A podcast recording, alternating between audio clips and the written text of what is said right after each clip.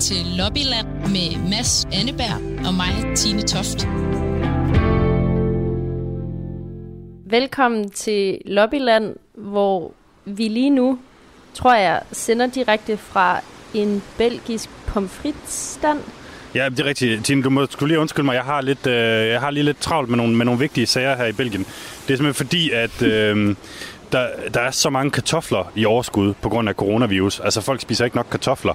Så de belgiske kartoffelavlere har ligesom været ude og sige til folk, gider ikke godt begynde at spise nogle flere pomfritter. Altså i stedet for en gang om ugen, så kunne man gøre, begynde at gøre det to gange om ugen i stedet for. Det synes jeg bare, der er en rigtig sympatisk sag faktisk. Okay, så du er der for at støtte de belgiske øh, kartoffellandmænd faktisk? Ja, det kan du jo sige. Det kan du sige. Men vi kan jo helt så godt bare lige hoppe til, øh, til sagen her. Bonjour. Uh, I'm here to help you. Je suis ici pour uh, vous aider avec les frites et les pommes de terre et tout ça. Je voudrais uh, donc un grand paquet de, de frites, s'il vous plaît. Ouais. Mais en fait, je voulais vous euh, demander comment ça va avec les, les frites là? Est-ce qu'il y a moins de clients? Comment? Si, bien sûr qu'il y a moins de clients, mais c'était dès le début hein, que ça avait moins de clients. Maintenant, depuis la semaine passée, ça a amélioré parce que les gens pensaient que c'était fermé la friterie. Merci beaucoup. Et euh, pour moi, donc c'est un, un grand, un grand paquet. Ouais, merci beaucoup. Okay, Tine. Er Vi skal altså lige- for din hjælp? Eller hvad Ja, det, ja, ja, det er klart, det er klart. altså, det viser sig, at det går en lille smule bedre her i, i fritboden, altså på fritboden, hvor jeg, hvor jeg står nu. Der er ved at komme lidt gang i væksten igen, øh, så det er jo godt for hende. Og nu hjælper jeg altså til her også. Hvad har du bestilt? Jeg har bestilt en stor, øh, en stor pakke pomfritter simpelthen. Okay. Jeg ved ikke, jeg, jeg ville gerne have bestilt noget til dig også, Tine, men jeg ved ikke, om det kan holde sig. Øhm, der, du sagde, at øh, myndighederne, eller er det landmændene, der vil have folk til at købe pomfritter to gange i ugen, i stedet for én gang i ugen? Så det vil altså sige, at allerede nu, så spiser belgierne pomfritter én gang i ugen, så de skal bare skrue op, eller hvad? Jamen, Belgierne er jo rasende glade for, for pomfritter. Altså, og, det, det er jo, og det er jo også derfor, man, man ender med sådan et stort øh, altså kartoffellager i, i første omgang, tænker jeg. Altså, øh, som så bare desværre ikke øh, bliver, bliver spist lige i øjeblikket. Øh, og der er jo så også, øh, hvad skal man sige, de er begyndt at donere en masse kartofler til, til, til de hjemløse og sådan noget. Det er jo, det er jo så fint nok, øh, så vi må håbe, at vi ligesom når at komme i bund med det. Har belgierne ikke også sådan lidt et absurd, øh, idealiseret forhold til deres pomfritter? Jo, jo. Altså, jeg har læst, at de engang prøvede at få den belgiske pomfritkultur på UNESCO's verdensarvsliste, øhm, sammen med andre madkulturer. Altså, det er jo for sådan bare en pomfrit. Øhm, af alle ting, du kan sådan opfordre folk til at, at redde, øh, holde hånden under i et land, så er det ret vildt, at man siger pomfritten. Ja, der er jo ikke så mange ting, der binder belgierne sammen, men, men pomfritter gør øh, i den grad. Og, og så har man jo sådan et, øh, et rivaleri nærmest med, med franskmændene, fordi altså, begge, altså både franskmændene og belgierne påstår jo, det er dem, der opfandt pomfritten. Øhm, og amerikanerne er jo dem, der så kom til at kalde det french fries, fordi angiveligt, fordi de ikke vidste, hvor de var henne i Europa, da de kom øh, til, til, i, i Første Verdenskrig. Og det, det er Belgien stadig lidt, øh, lidt mugne over, faktisk. Ah, avec du sel. Avec du Ouais, sel. s'il vous plaît. Pomme de nature avec la sauce. Quelle, quelle sauce vous euh, recommandez? Quelle sauce je recommande Piquant ou non piquant Un peu piquant. Un peu piquant. Merci beaucoup. Je te la offre, comme ça tu goûtes mes frites. Comme ça tu me peux dire si c'est bon ou c'est pas bon. Si c'est délicieux ou non. Non, Ah non, non, non j'insiste. ça va, ok. Merci, bon appétit à toi. Hein? Merci. Ja. Ej, Tine, hun må lige være give mig dem gratis. Øh, men det skal jeg altså ikke have noget af, så, så ryger det hele øh, projektet jo fløjten. Hun er slet ikke desperat nok. Nej, det kan man tydeligt høre. Øh, men det var godt tegn, kan man sige. Så hvad Nå. er det, du har fået på? Jamen altså, jeg har fået et, øh, et rigtigt pomfritkrammerhus nu. Med øh, altså en stor klat, øh, hvad skal man sige, sauce lige ned i midten. Og nu står jeg jo så med, med min optager i den ene hånd, og det her krammerhus i den anden. Jeg ved faktisk ikke, hvad jeg skal stille op. Okay, vi bliver jo bare nødt til at lade dig smutte, så det er også bare en meget lokal øh, solidaritet, at øh, du bruger øh, i sidste ende den løn, du har fået fra danske skatteydere til at støtte op om belgiske pomfritter. Jamen, det er det. Øh, 100 procent. Og jeg, jeg, jeg håber, at Belgien ligesom finder på noget lignende øh, med nogle tiltag i Danmark, altså, så vi på den måde kan hjælpe hinanden. Okay, men kan du ikke bare øh, få spist dine pomfritter og snakke lidt mere fransk? Så vil jeg lave en overgang til det, vi skal snakke om lidt senere, for der skal vi jo sådan set snakke mere om, om solidaritet på en lidt større Jo. skala. Altså, jeg vil bare sige, hvis der er nogen, hvis der er nogen, der ligesom var i tvivl om, er det nogle gode fritter eller ikke nogle gode, det er sindssygt gode fritter. De er virkelig gode. Coronavirus spreder sig ekstremt hurtigt. We will be successful if we work together Fra i morgen, der lukker de danske grænser. the lack of solidarity. We will be reminded by the Italians We are all in this moment Italians. Tine, nu er jeg tilbage i min lejlighed. Helt øh, mæt og, og vel tilpas. Jeg ved ikke, har du det også godt? Altså, Jeg har ikke fået nogen pomfritter, så jeg er egentlig bare lidt Nej. misundelig. Men Jeg vil ønske, du havde. trods alt glad for, at vores Øh. program bakker op om, øh, om solidariteten. Det er jo det. Den er vigtig, den solidaritet. Og den skal vi faktisk øh, snakke lidt om nu. Øhm, I den her uge, Tine, der er vi begge to kravlet ud af klædeskabene igen. Øh, der var vi optog sidste uge. Vi sidder sådan set bare øh, i vores respektive kontorer, og vi har endda fået video på, så vi kan se hinanden, mens, mens vi optager det her. Du er blevet lidt langhåret. Jo, men det er jo det, der er med hår, Tine. Det, det vokser, når, øh, når man ikke klipper det.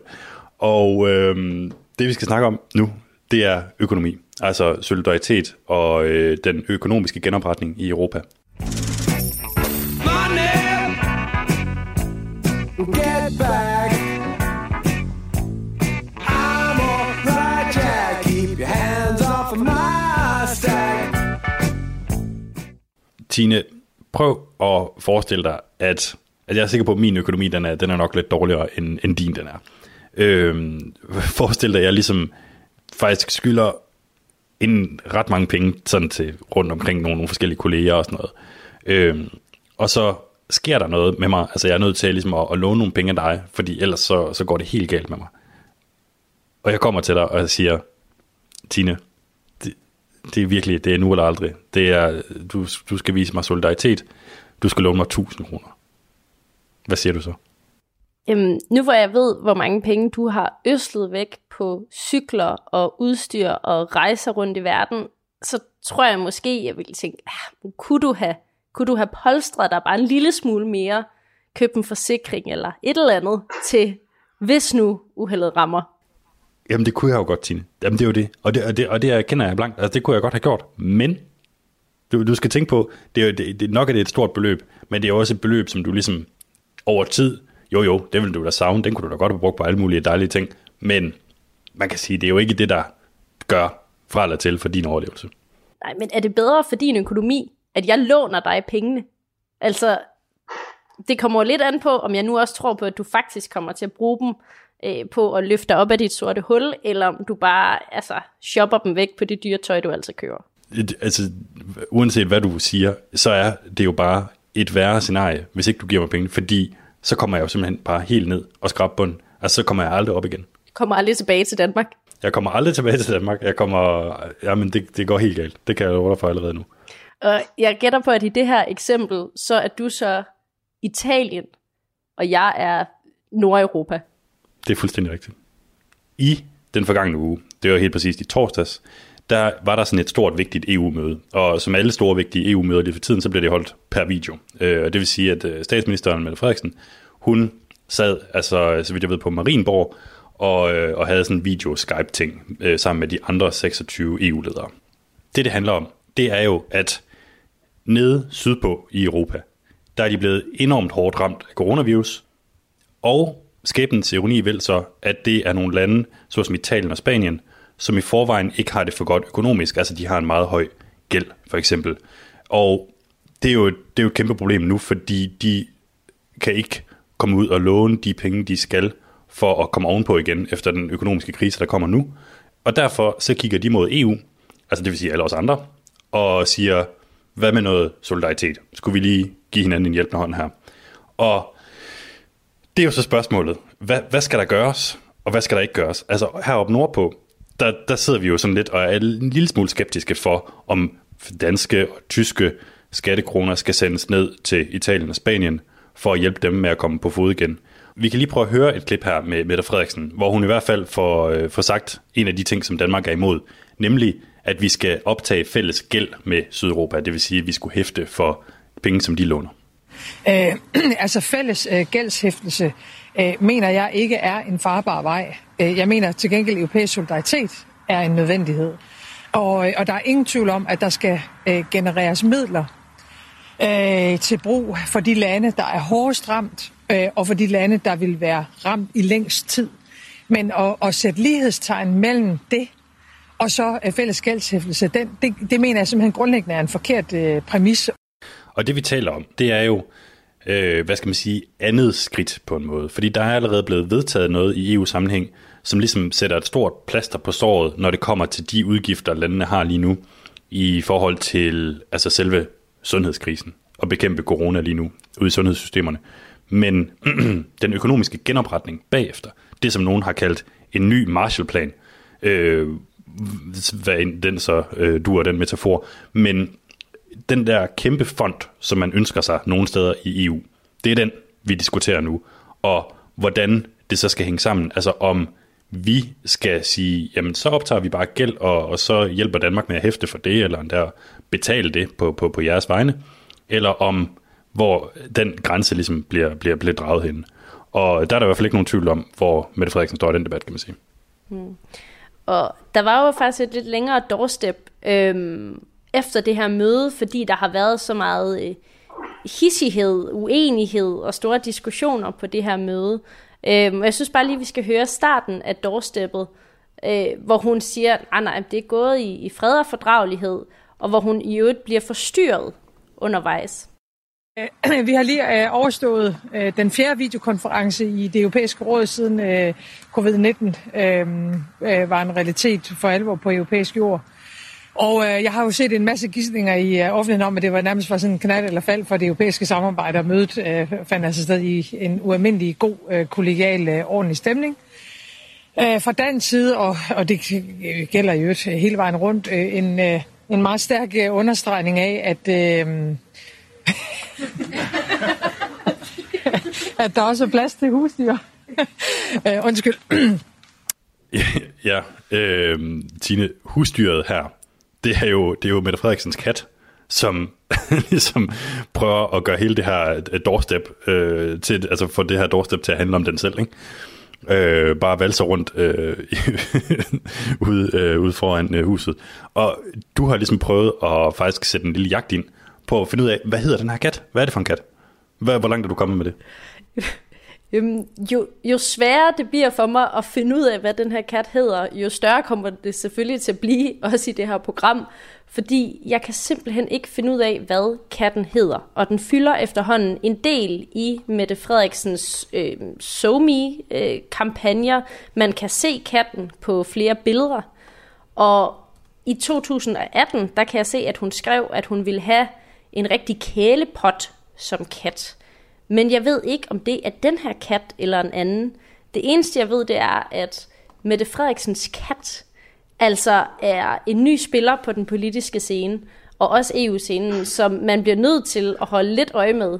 Øh, hvis man har fulgt britisk politik bare en lille smule, så ved man, at Larry the Cat er en kæmpe ting i Storbritannien, fordi den altid lige får indåndet sig på alle de pressemøder og doorsteps, der er.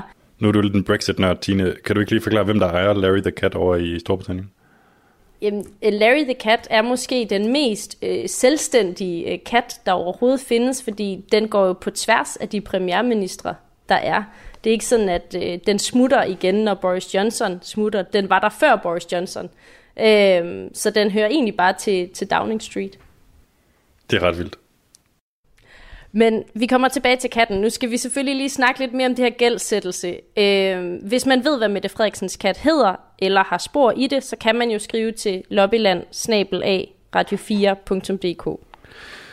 Det er nemlig rigtigt. Og øh, hvor var det, vi kom fra egentlig, Tine? Det var vel noget med, at Danmark og Tyskland og Holland og sådan nogle nordlande, øh, sparelande, vi øh, strider lidt imod, når de nede i syd begynder at snakke om økonomisk solidaritet. Øhm, men spørgsmålet er, Tine, hvad er det egentlig, de gerne vil have? Og der ringede jeg så til en, øh, en forsker, altså en professor, Derek Beach, ved Aarhus Universitet, som blandt andet er begyndt at forske lidt i det her med, hvordan EU har svaret på øh, coronakrisen økonomisk. Øhm, og i forhold til, hvad det er, de vil have ned i Sydeuropa, så siger han altså det her. Det, som de altså italienerne siger, prøv at høre, vi har så meget gæld i forvejen, vi kan, vi kan, og den her krise er så stor, at vi kan aldrig betale alle de der penge tilbage. Vi har brug for solidaritet for, uh, for, for de hårdest ramte områder. Og det vil sige, det de egentlig forestiller sig er, at, at Europa som fællesskab optager gæld, og så kan det kanaliseres til der, hvor der er brug for. Og det vil sige, at vi kommer til at hæfte og, og også betale tilbage til, til, til for eksempel italiensk optaget gæld. Uh, og det er den, ja, ikke overraskende, italienske, franske, øh, spanske position. Okay, så hvis vi forestiller os, at italienerne, spanierne, franskmændene, de vil gerne det her, som han udpensler her. Altså, de vil gerne have, at vi opretter en kæmpestor fond, hvor at øh, vi alle sammen ligesom hjælper med at finansiere det, og, og så går det så til de områder, der er hårdest ramt. Så kan man jo godt se, at der er en rimelig stor konflikt på EU-niveau. Altså fordi det er jo mange kilometer væk fra det, som vi gerne vil i Danmark for eksempel. Og det bliver jo interessant så at følge, ligesom hvad de bliver enige om, fordi de har jo heller ikke bare for evigt til at, at, at tale om det vel, fordi det er jo sådan lidt, det er jo nu, at, at det skal ske, hvis, hvis det skal ske. Det kan også lyde en lille smule krævende, det Italien og nogle af de her lande gerne vil have. Altså, hvorfor siger de ikke bare, vi vil bare låne penge af jer? Ja, det er jo et godt spørgsmål, men problemet for, for eksempel, hvis vi nu bare tager Italien, det er, at de har haft, de kan jo godt sige, uden at der er nogen, der bliver stødt, øh, en dårlig økonomi i, igennem en længere periode. Og det gør så altså, at de nu har så høj en statsgæld, ligesom lånt så mange penge, at de er sådan ved at nå et lidt kritisk punkt. Og de kan jo godt, nu kan de jo godt låne nogle penge af os, og så ligesom sige, jamen det er så på nogle favorable vilkår, og, og så videre. Problemet er bare, så kommer de endnu længere op, så det der tal, det stiger. Altså det bliver, hvis det kommer op på sådan øh, meget mere, end, end det er nu, så, så får de simpelthen, altså så vil det blive umuligt for dem at låne øh, penge andre steder, altså låne på markedsvilkår.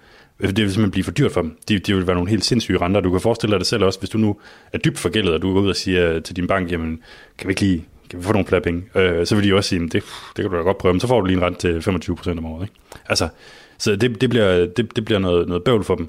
Samtidig så har de jo et argument, der hedder, at hvis de går under, så går vi jo alle sammen under. Øh, og det, altså, det ved vi jo ikke, før, før det sker, om, om det er rigtigt, men det er i hvert fald, øh, det vil skabe et kæmpe chok i hele Europas øh, økonomi, hvis, øh, hvis der begynder at ske noget drastisk med den italienske økonomi. Når jeg hører det her, så kan jeg ikke lade være med at tænke på, at det lyder som en diskussion, vi har haft før.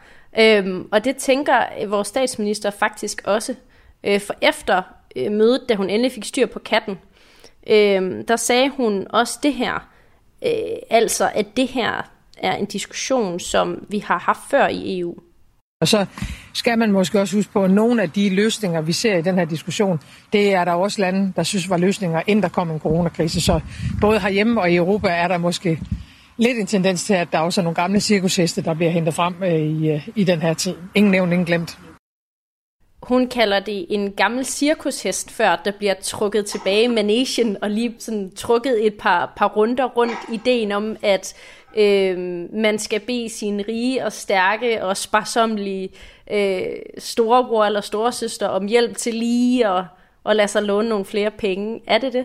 Jamen det er da klart, at, at det er nogle argumenter, øh, hvad skal man sige, eller det er nogle positioner, som vi har hørt før, at, øh, at der er nogen, der har øh, nogle penge, og der er nogen, der ikke har nogle penge. Øh, men sagen er jo den her gang, at der er kommet noget udefra, som er coronavirus, som er totalt uforskyldt. Altså det kan jo ikke, italienerne kan jo ikke gøre ved, at det er dem, der er blevet ramt øh, først og hårdest. Og så har vi andre kunne sidde sådan lidt i, i sikker afstand fra det og observere det og sige, okay, nu lukker vi lige ned for, for, for det og det og det, før det rammer os lige så hårdt. Så det er det, der er den store forskel den her gang. Det er også det, der gør, at folk overhovedet er villige til at diskutere det på EU-niveau. Altså simpelthen fordi, du kan objektivt ikke sige, at det er italienernes skyld.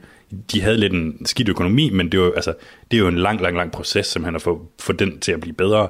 Øh, og så kommer der bare det her udefra, og det altså out of nowhere, ikke?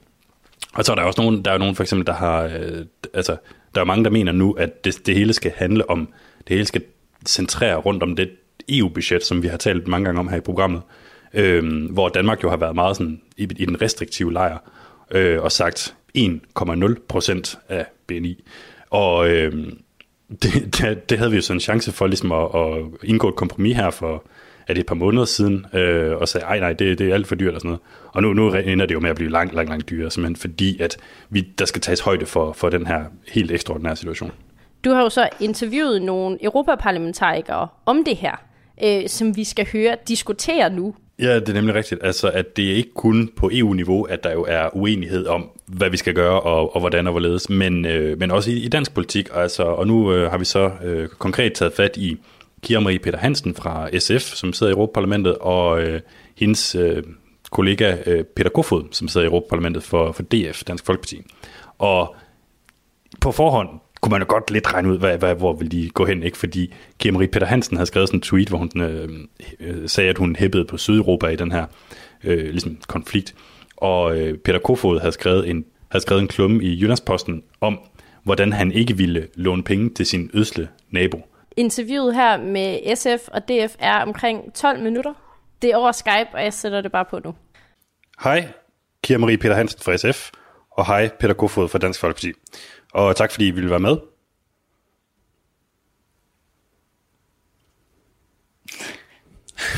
I kan bare sige hej. jeg igen? Ja, du må I meget gerne. Det er bare... tak fordi du vil være med. okay, uh, vi skal snakke om noget så opløftende som Europas økonomiske genopretning, eller hvad der jo i virkeligheden bare er solidaritet med Sydeuropa. Uh, Kira, du tweetede forleden, jeg hæpper på Sydeuropa og på en solidarisk løsning. De trængte lande skal have støtte. H- hvad vil det sige, at de skal have støtte? Øhm, jamen det vil sige, at jeg synes, vi skal passe meget på med ikke at begå de fejl, som vi gjorde under øh, finanskrisen og flygtningekrisen, hvor jeg synes, man i høj grad har lavet de sydeuropæiske lande i stikken øh, med de økonomiske øh, udfordringer. Øh, og at jeg synes, man i den her krise, især fordi det ikke er noget, de selv er skyld i, øh, det er jo ikke bare øh, de dumme sydeuropæere, der ikke kan styre deres egen økonomi, men en, en virus, øh, at der er det rigtig, rigtig vigtigt, at vi får en løsning, som kan imødegå dem, øh, og som kan tilfredsstille dem. Så det er det, jeg mener med, at jeg også hæpper på dem. Så vi skal altså hæfte for, for deres gæld nede i Sydeuropa. Ja, eller i hvert fald sørge for, at de kan optage lån øh, til en ordentlig rente, som man jo kan ved, at hvis vi optager lånene sammen i EU. Jeg er egentlig ikke så optaget af øh, præcis, hvad for en model det bliver, men at det bliver en model, hvor der ikke stilles modkrav om for eksempel de offentlige nedskæringer, som man jo normalt gør med, øh, med de lån, der kommer fra EU. Okay, så du kunne altså godt være med på at, at hæfte for, for deres gæld. Peter, du skriver i, øh, i et indlæg i Jyllandsposten, at Danmark skal under ingen omstændigheder hæfte for andre EU-landes gæld. Øh, hvorfor ikke? Jamen det skal Danmark eller ingen lande sådan set øh, hæfte for andre. Man kan sige, at coronakrisen blotlægger jo bare det, som man har vidst i masser af år, at de har dårlig økonomi i Sydeuropa. Og hvordan skal man så bløde det op? Jamen jeg tror jo ikke, man gør det ved at øh, give dem penge eller hæfte for deres økonomi. Man er nødt til at starte et helt andet sted. Og det sted, det er, at de er nødt til at reformere deres økonomi. De er nødt til at have balance selv mellem indtægter og udgifter. Vil vi så låne dem penge? Ja, det vil vi gerne. Altså hvis de mangler penge nu og her, så er vi villige til selvfølgelig at låne dem pengene på markedsvilkår. Vi kan udstede statsobligationer, og så, øh, så må de jo betale de renter, der er forbundet med det. Men hvis du siger, at du vil låne dem penge på markedsvilkår, så er det jo det samme som at sige, at vi ikke vil, vil hjælpe dem, ud over det, de i forvejen kan, kan, kan, kan få. Jamen, solidaritet må ikke være lige med, at vi bare sender milliarder af danske skattekroner direkte på EU-bålet. Altså, det er ikke, det er ikke solidaritet øh, for mig. Solidaritet, det skal jo være en dyb følelse, hvor man har et ønske om, at vores gode venner fra Italien kommer på fod igen, men det gør de jo ikke ved bare at sutte på lappen. Kira, altså, det, er, det kan der vel godt være en pointe i det her. Altså, hvad har det med mig som dansk skatteborger at gøre, at de er på spanden nede i Sydeuropa? Altså man kan sige, som dansk skatteborger eller som dansk lønmodtager har det jo det at gøre med, at øh, hvis Italien ikke kommer på fod, så bliver det også dyrere at være dansker. Vi kan se nu her i Tyskland, hvor den tyske bilindustri øh, skriger på Merkel og virkelig siger, at du bliver nødt til at hjælpe Italien på fod, fordi at hvis de ikke får deres økonomi op at stå, så kan der ikke komme alle de reservedele, øh, som den tyske bilindustri har brug for, for eksempel. Så vores økonomi er jo skruet så tæt sammen, at hvis en af os går ned, så bliver det også rigtig, rigtig svært for de andre. Mm. Altså jeg tror i virkeligheden, øh, en af mine italienske kollegaer sagde det meget godt, og jeg har tilladt mig at misbruge citatet i et indlæg, jeg har skrevet. De betragtede det som at være i et ægteskab. Friheden var taget fra dem, men til gengæld var der ikke nogen kærlighed i ægteskabet. Og så var det sådan lidt, hvorfor så i det hele taget være gift? Øh, og det var så i forhold til, øh, til hele diskussionen om at være med i eurozonen. Og jeg synes jo egentlig, det er et meget godt billede. Altså, de føler jo i virkeligheden, at den frihed, der kunne ligge i at styre pengepolitikken, den er røget på bålet, fordi nu er de en del af euroen. Men de har ikke rigtig noget ud af det på, på den anden flanke. Men den kærlighed, som dine italienske kolleger efterlyser, Peter, er det ikke, øh, er det ikke den hjælp, som, som vi diskuterer lige nu? Altså man kan ikke få det hele, og sådan er det bare. Øh, og jeg tror ikke, at det er en holdbar situation for Sydeuropa, at man bare lader pengestrømmene øh, fortsætte. Øh, det tror jeg simpelthen ikke kommer til at gå. Og i den her situation, der er Sydeuropa bare i det store problem, jo ikke, at man, det er jo ikke fordi, man ikke kan optage gæld, det er problemet, at man har optaget alt for meget over for mange år, og så står man så i den her håbløse situation. Og, øh, og der synes jeg da ikke, man kan fortænke os andre for at sige, hvis vi skal sende penge til det, jamen så er det altså på nogle betingelser, hvor vi også kan regne med at få dem tilbage igen. Kira, du skal lige prøve at forestille dig, at du og Peter går ind på en restaurant. Øh, du bestiller en dansk vand, Peter bestiller en træretters med, med vinmenu, og så når I er færdige, så siger han, skal vi bare dele øh, regningen, altså halv-halv, ikke? Hvad siger du til det? Jamen, hvis vi er gift, så siger jeg da helt sikkert, så har vi jo fælles økonomi. øhm, ej, der er jo, altså sådan, det er jo et, et, altså for at blive i i den her med, om hvorvidt talen er i et kærlighedsløst ægteskab, så er EU økonomisk jo i høj grad også baseret på, at man har en eller anden form for partnerskab. Ikke? Øhm, og at nogle gange så, så vinder man på den ene side, og så taber man lidt på den anden side, men så skulle det gerne gå, øh, gå op i det store billede. Øh, og det synes jeg faktisk også, det gør, øh, også for Nordeuropa.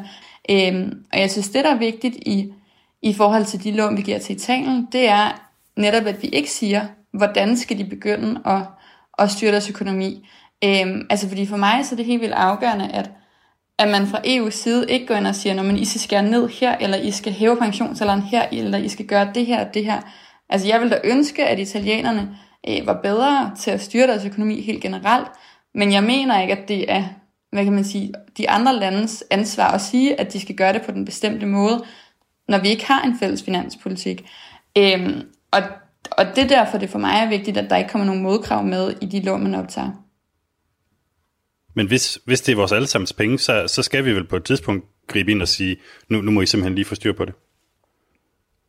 Jamen, du kan jo sagtens stille krav om, at de skal kunne betale lånet tilbage, men jeg synes ikke, at man skal straffe dem for det, de har gjort tidligere, nu her, hvor de står over for en pandemi, som de ikke selv er skyld i, og samtidig synes jeg ikke, at det er, er sådan EU-systemets ansvar at gå ind og sige, at de skal gøre det på den ene eller den anden måde, fordi hvad for en økonomisk politik du fører, bliver jo et politisk spørgsmål, og Peter og jeg vil jo være uenige i, hvordan Italien skal køre deres økonomi, ligesom vi er jo i, hvordan Danmark skal køre deres økonomi, øh, politiske økonomi. Øh, og det synes jeg er vigtigt at have med i, øh, i, i den ligning om, hvad for en del af sådan, det europæiske fællesskab vi er i. Peter, du, du skriver i det her indlæg om, om den ødsle nabo, som du ikke øh, vil hjælpe, fordi han har været på for mange ferier og taget for mange afdragsfri lån. Altså, øh, hvad er dit svar til det her? Jeg vil gerne hjælpe den østlige nabo. Jeg vil bare ikke øh, have fælles økonomi med den østlige nabo, eller kautionere for naboens øh, lån. Og derfor har Kira jo ret, når hun siger, at finanspolitikken skal vi ikke sidde og blande os i, og det skal vi heller ikke. Men hvis det kommer til en situation, hvor vi skal potentielt låne penge ud, så skal vi i hvert fald have en helt klar garanti for, at de fører en økonomisk politik, der er i stand til at betale os tilbage, når de kommer i gang igen. Og derfor så vil jeg ikke kautionere for dem, øh, at jeg vil ikke give dem penge. Det skal være på markedsvilkår, og så kan de sagtens få dem, hvis vi bare kan regne med at få, øh, få dem tilbage igen. Altså så er det jo ren, øh, så er det jo ren teknik øh, at sørge for, at de får det. Problemet er jo, at de ikke ønsker det. Altså problemet er jo, at de både ønsker pengene, men ikke ønsker at leve op til de økonomiske forpligtelser, der knytter sig til at få pengene. Jeg synes, der er en fejlslutning i forhold til det her med, hvorvidt man skal kræve af italienerne, at de skal låne på markedsvilkår, fordi så bliver det markant dyrere for dem at komme på fod igen, og jeg synes ærligt talt, at vi har et ansvar for at hjælpe dem med at komme på fod, og hvis øh, de kan gøre brug af den fælles europæiske kreditvurdering øh, og låne pengene billigere, og derved hurtigere komme op og stå, så synes jeg, at den er samlet set er en stor gevinst for, for hele den europæiske økonomi. Men Kia, vi kan da ikke, altså vi er i en situation i Danmark, hvor vores pensionsalder er højere end italienernes. Vores indkomstskat er højere end italienernes. Hvordan kan vi bede danskerne om at betale ekstra i skat, eller bare betale det, de gør og arbejde lige så længe, som, som vi nu gør i Danmark, for at vi kan finansiere hjælpepakker til folk, eller til lande, hvor folk de kan gå tidligt på pension eller tidligere, hvor folk de så kan betale en lavere øh, indkomstskat. Det er da ikke rimeligt. Der må man da kræve, at hvis de vil det, have vores penge eller låne vores penge, at så er det altså på nogle præmisser, hvor de kan betale dem tilbage, og ellers så må de reformere deres økonomi. Jeg kan da ikke bede en dansker på 67 år, der er på vej på pension, betale for en italiener, der er væsentligt yngre, og også er på vej på pension. Altså det er da ikke, det er da ikke rimeligt. Nej, men alternativet er jo så, at man, man dikterer, hvordan landene skal, skal reformere deres økonomi, og det synes jeg ikke er særlig, øh, sådan, øh, altså særligt decentralt og demokratisk, øh, som jeg synes, det skal være, når man, når man laver økonomisk politik. Øh, man kan sige, nu er de sydeuropæiske lande jo også i gang med at reformere deres økonomi, og det går langt bedre, end det gjorde tilbage. Eller, det går bedre, end det gjorde øh, tilbage i eurokrisen. Øhm, og vi har jo også nogle foranstaltninger i det europæiske samarbejde, som for eksempel siger, at du ikke må stifte mere end en bestemt andel af statsgælden. Øh, og hvis du gør det, så er der ret hårde sanktioner. Øhm, for mig er det bare vigtigt, at man anerkender, at den her krise er helt ekstraordinær, fordi det er et, et sådan eksternt chok, som ikke kommer af, at man har ført en dårlig økonomi, og at italienerne ikke kunne gardere sig bedre, end vi andre har kunnet mod coronakrisen, øh, og at vi derfor bliver nødt til at give nogle økonomiske svar, der viser, en større grad af solidaritet, end det man har gjort under finanskrisen. Og så tror jeg, at den anden del af det for mig handler også om, at, at jeg er vildt bekymret for, at hvis man ikke formår at give et økonomisk svar, der viser den grad af solidaritet, som især Italien ønsker, øh, at så kommer man til at se, at det europæiske fællesskab øh, altså i hvert fald får det rigtig, rigtig svært ved at overleve. Øh, og det synes jeg på, på lang sigt øh, er en vigtig del at have med i ligningen. Bare lige et sidste spørgsmål. Øh, altså henholdsvis, jeg begge to, du, vi kan starte med dig, Kira. Bare lige et halvt minut. Hvorfor er din løsning den bedste for, for Danmark på lang sigt?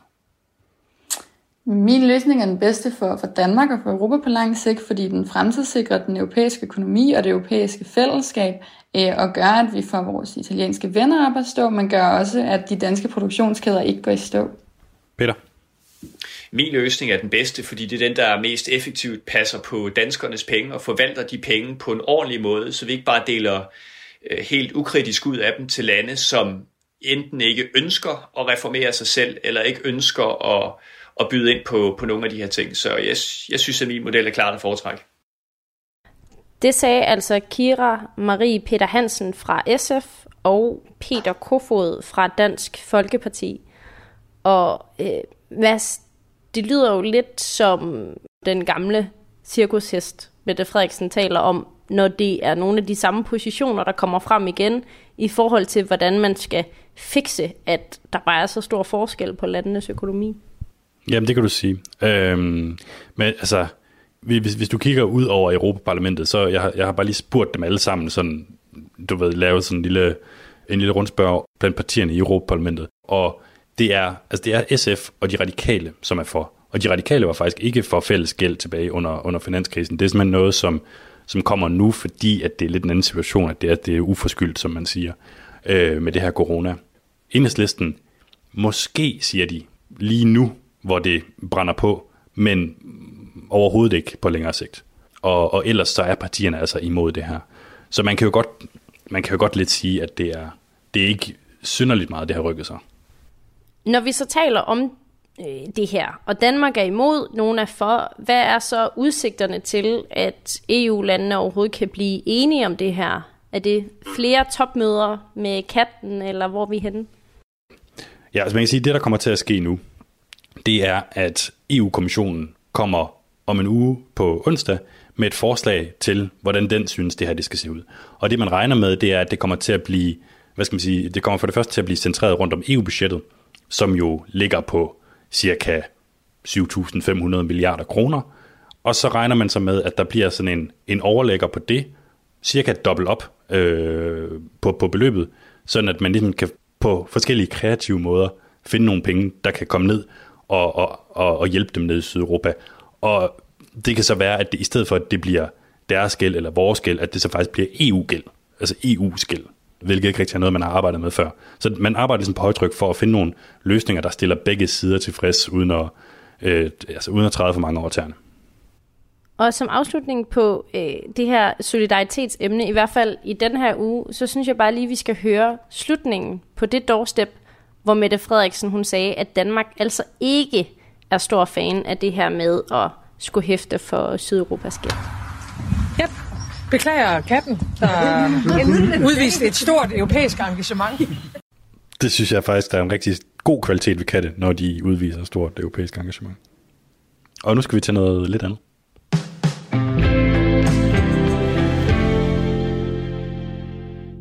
Ja, det er faktisk også det her, jeg har glædet mig mest til, fordi at du har sendt mig et link med en fransk tv-serie, som skal være sjov og handle om Europaparlamentet. Ja, der er, det er noget af et uh, job at, at give sig selv, ikke? Altså at lave en uh, komedieserie om Europaparlamentet, som, nu taler jeg bare sådan generelt, nogen måske ser som sådan lidt et tørt sted.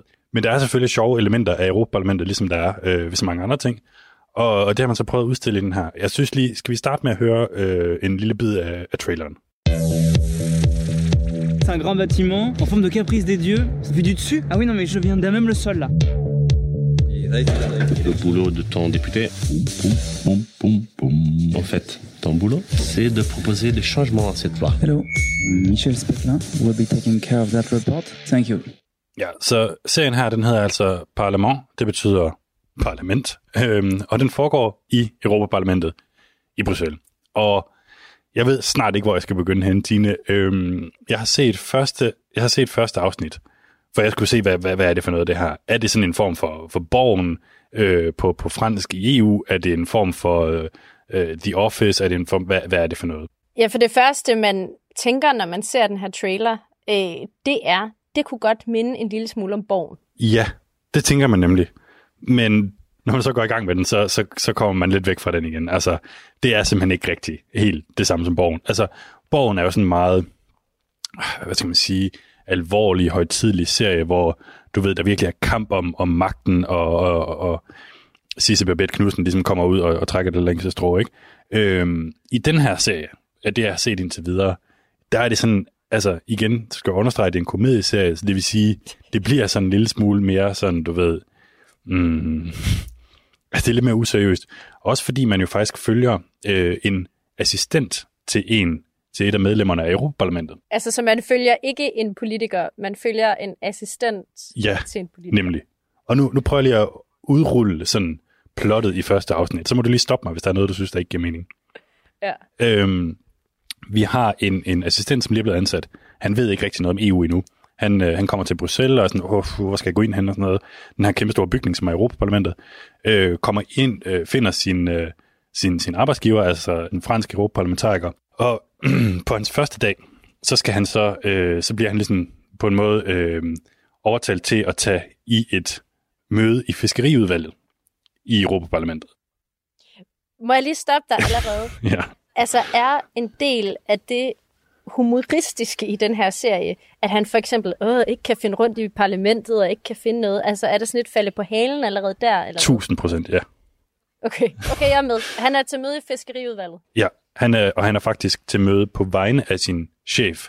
Fordi det viser sig, at hans chef, øh, altså Europaparlamentarikeren, har siddet i, i parlamentet i, i flere år, men har aldrig rigtig fattet, hvad det er, det hele går ud på. Og mm-hmm. synes ligesom, det er lidt for sent at, at, at spørge nu. Så vi er i, til det her møde i fiskeriudvalget, og der er en, der siger, Nå, men øh, du skulle måske lige overveje at tage den her rapport. Og så er han sådan, Åh, det vil jeg da vil gerne, rapport sådan noget, fedt nok. Øhm, og det, som Europaparlamentet gør i sådan nogle situationer, det er jo, at de skal så lave nogle ændringsforslag, så at de ligesom kan bevise deres eksistensberettigelse. Det vil sige, at han skal finde på 20 ændringsforslag til en lov om et eller andet med fiskeri. Og han er sådan, hvor skal jeg finde dem hen? Det forstår jeg ikke. Altså, og så møder han så en vildt venlig italiener, som bare siger sådan, okay, ved du hvad, jeg prøver lige at sætte dig lidt ind i det. Sådan, jeg kan også lige prøve at sende dig på forslag.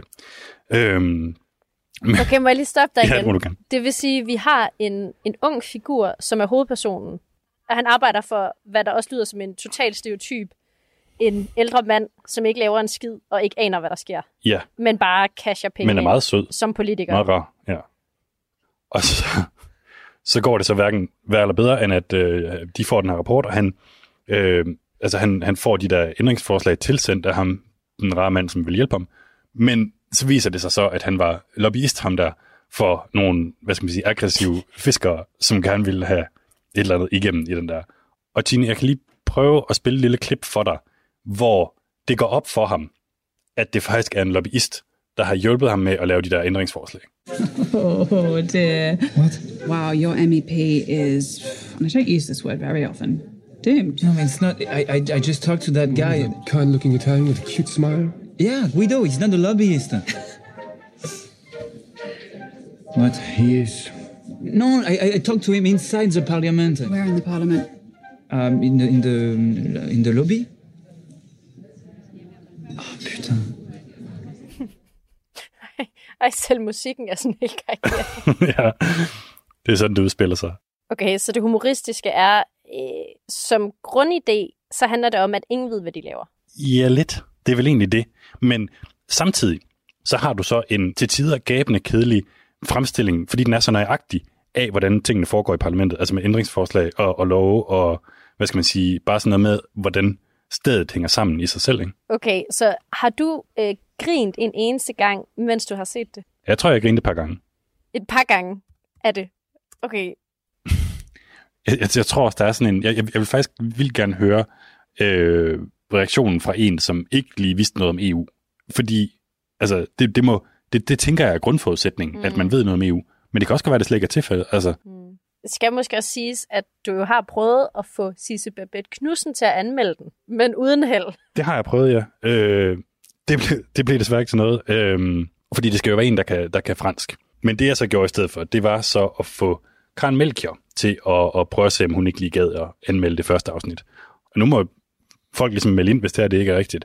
Men så vidt jeg forstår, så er Karen Melchior den eneste af de danske europaparlamentarikere, som taler sådan flydende fransk. Jeg må sige, det er også lidt for dårligt. Ja, hvis man føler sig meget fornærmet, må man skrive en sviner til Mads på øh, lobbyland-radio4.dk. Bare kom med den med det samme, hvis du gerne vil udfordre Karen Melchior i at være den, der taler bedst fransk i Europaparlamentet af danskerne. Og hun er Øhm, også radikal. hun er også radikal, så hun, altså, sådan en serie om EU på fransk, det må være lige noget for hende. Karen, øh, jeg har jo, hvad skal man sige, givet dig lektier for. Altså, øh, vi har begge to set et afsnit, første afsnit af den franske tv-serie, der hedder Parlement, altså øh, Parlament. Og hvad synes du? Jeg synes, det er en meget fransk tv-serie. Øhm, når man siger franske film og sådan noget, så tænker man øhm, tit på sådan noget højpandet, intellektuelt øh, noget, men, men den her serie viser meget godt, at fransk humor og franske film kan være virkelig sådan, sådan meget nede på jorden og med lidt forskellige historier, øh, jokes om pik og patter og sådan noget. Der, der er, det, er ikke, det er ikke så avanceret humor, men jeg synes, det, jeg synes, det er meget fedt, at parlamentet bliver beskrevet på en måde, som ikke kræver helt en stor tankvirksomhed. Jamen, det, det, det er nærmest sådan plat nogle gange, synes jeg, altså sådan den humor der. Det var det ord, jeg ledte efter. Plat. Det er lige det Ja. der. Ja, Jamen, det tror jeg, du var ret i. Det, det tænker folk ikke om franskmændene, men, men det har jo franskmænd jo simpelthen bare den platteste humor i verden.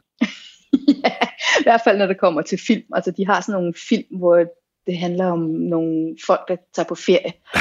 og det er simpelthen også bare fald på halen komedie og, og temmelig plat. Er du bange for, at, øh, at det, at det er sådan en komedieserie, at det bliver sådan lidt en stereotyp ting, at du kan sige, Borgen var jo en seriøs serie, House of Cards er en seriøs serie, så laver man noget med Europaparlamentet, og så bliver det en komedieserie. Siger måske mere om øh, franske tv-serier, end det gør om, øh, om parlamentet. Hvilken, hvilken scene kunne du bedst lide? Øh, jeg kan godt lide den her øh, den scene, hvor Brexit-partimedlemmet beder sine øh, medarbejdere om at skrive et indlæg til britisk presse omkring Brexit, og det stakkels menneske kunne ikke finde ud af, hvad hun overhovedet kunne, kunne finde på at sige, så hun sad og skrev Brexit, Brexit, Brexit, Brexit, Brexit, Brexit i et Word-dokument, så den fuldstændig... Øh, Jeg kan sige, britterne, de får lige en, øh, de får lige en lille tur også. Ja, det gør de. De er fordrukne og useriøse, og, ja. og det, det, gør de, det, gør, det gør skandinaviske kvinder også, kan man sige. De er, de er med på den værste og tager gerne initiativ Ja, nu- til sex og one nu, night nu, stands. nu, nu er jeg nødt til at stoppe dig, Karen. Jeg har kun set et afsnit, så det der, det må du ikke... Øh, der er spoiler alert, der kan, kan jeg godt høre. Undskyld. Nå, men jeg tror i hvert fald godt, man kan konkludere, Karen, det her det er jo en, det er jo en dejlig serie for, for os sådan en, en EU-positivist som, øh, som, som dig. Der er jo heller ikke så meget sådan, der er jo ikke så meget sådan en dybtegående kritik af, af unionen som sådan.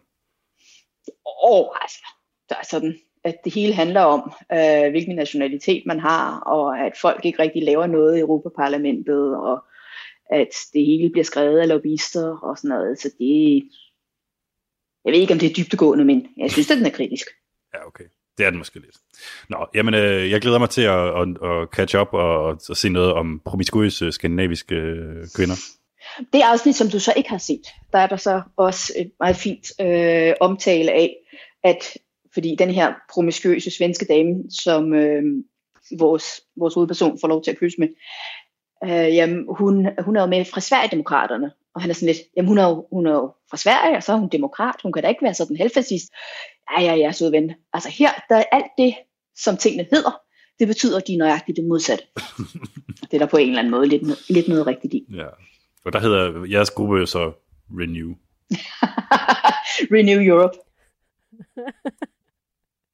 Okay, jeg får næsten lyst til at se den nu, fordi der Er er, nogle nationale stereotyper. Og der er også noget med nogle tyskere, som er sådan lidt stramme i betrækket og sådan noget. Så det, er sådan, det, det har måske i virkeligheden nogle gode forudsætninger for at kunne... Ja, det lyder også bare hammerne fransk, at det er britterne, der bliver, ja. øh, der Det er bliver tegnet med en dårlig pensel. Ja.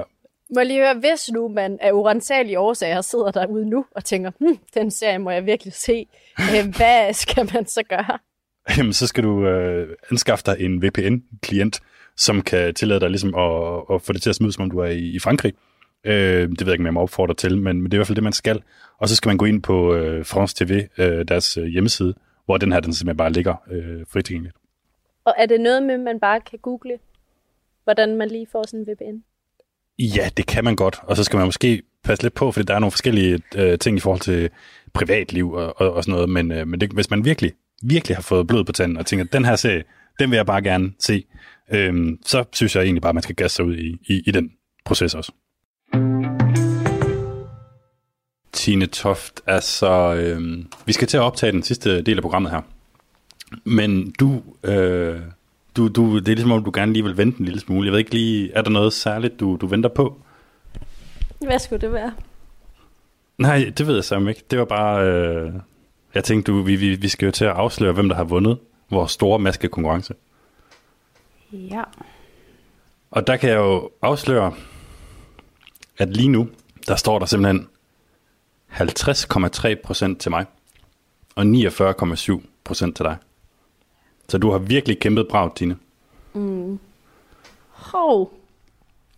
Nej, hvor sjovt, Mads. Ej, det var godt, vi lige fik øh, erklæret resultatet, før du begyndte at snyde, Signe. Hvis du lige går ind på øh, vores side nu, Tine, du har jo- så står der øh, faktisk 50-50. Ja, du, du, du, du ville jo gerne lige vente lidt med at optage det her, fordi du sagde, at du havde IT-problemer. Men det er altså, fordi du har været, du har været ved at, at, at snyde simpelthen. Jeg har lobbyet lidt i de fem minutter, der gik fra, at du sagde, lad os optage det med maskerne, hvor jeg kunne se, at du ja. førte øhm, til, til det nuværende tidspunkt. Men Mads, øh, hvad er det, der står nu, hvor vi optager? Jamen altså, vi har, jeg synes ligesom, vi har erklæret resultatet, Tine. Øhm, og i øvrigt, så kan jeg også, øh, så kan jeg faktisk afsløre, at jeg, jeg talte med vores redaktør, som af en eller anden grund var kommet til at stemme på dig, men hun forsikrede mig for, at hun ville faktisk have stemt på mig. Det, det synes jeg, jeg har hørt fra flere sider efterhånden. Det er jo klart, hun siger det, Mads.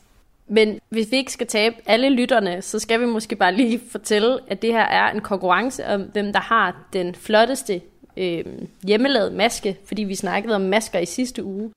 Og grunden til, at vi tog det her op i sidste uge, det var jo fordi, at her i Belgien, hvor jeg er, og i en række andre europæiske lande, der er man begyndt at gå med de her masker. Der er nogle lande, der anbefaler det, der er nogle lande, der endda øh, siger, at det, at det skal man nu. Og i Danmark er der stort set ikke nogen, der gør det. Så der taler vi jo bare om, hvad, hvem har ligesom ret i den her sag. Og der er bare pågået en intensiv kamp hele ugen på Radio 4's øh, Facebook-væg, øh, hvor man har kunnet stemme på maskerne. Og jeg kan se, at der er 156, der har stemt. Og at der Ja. nu står 50-50.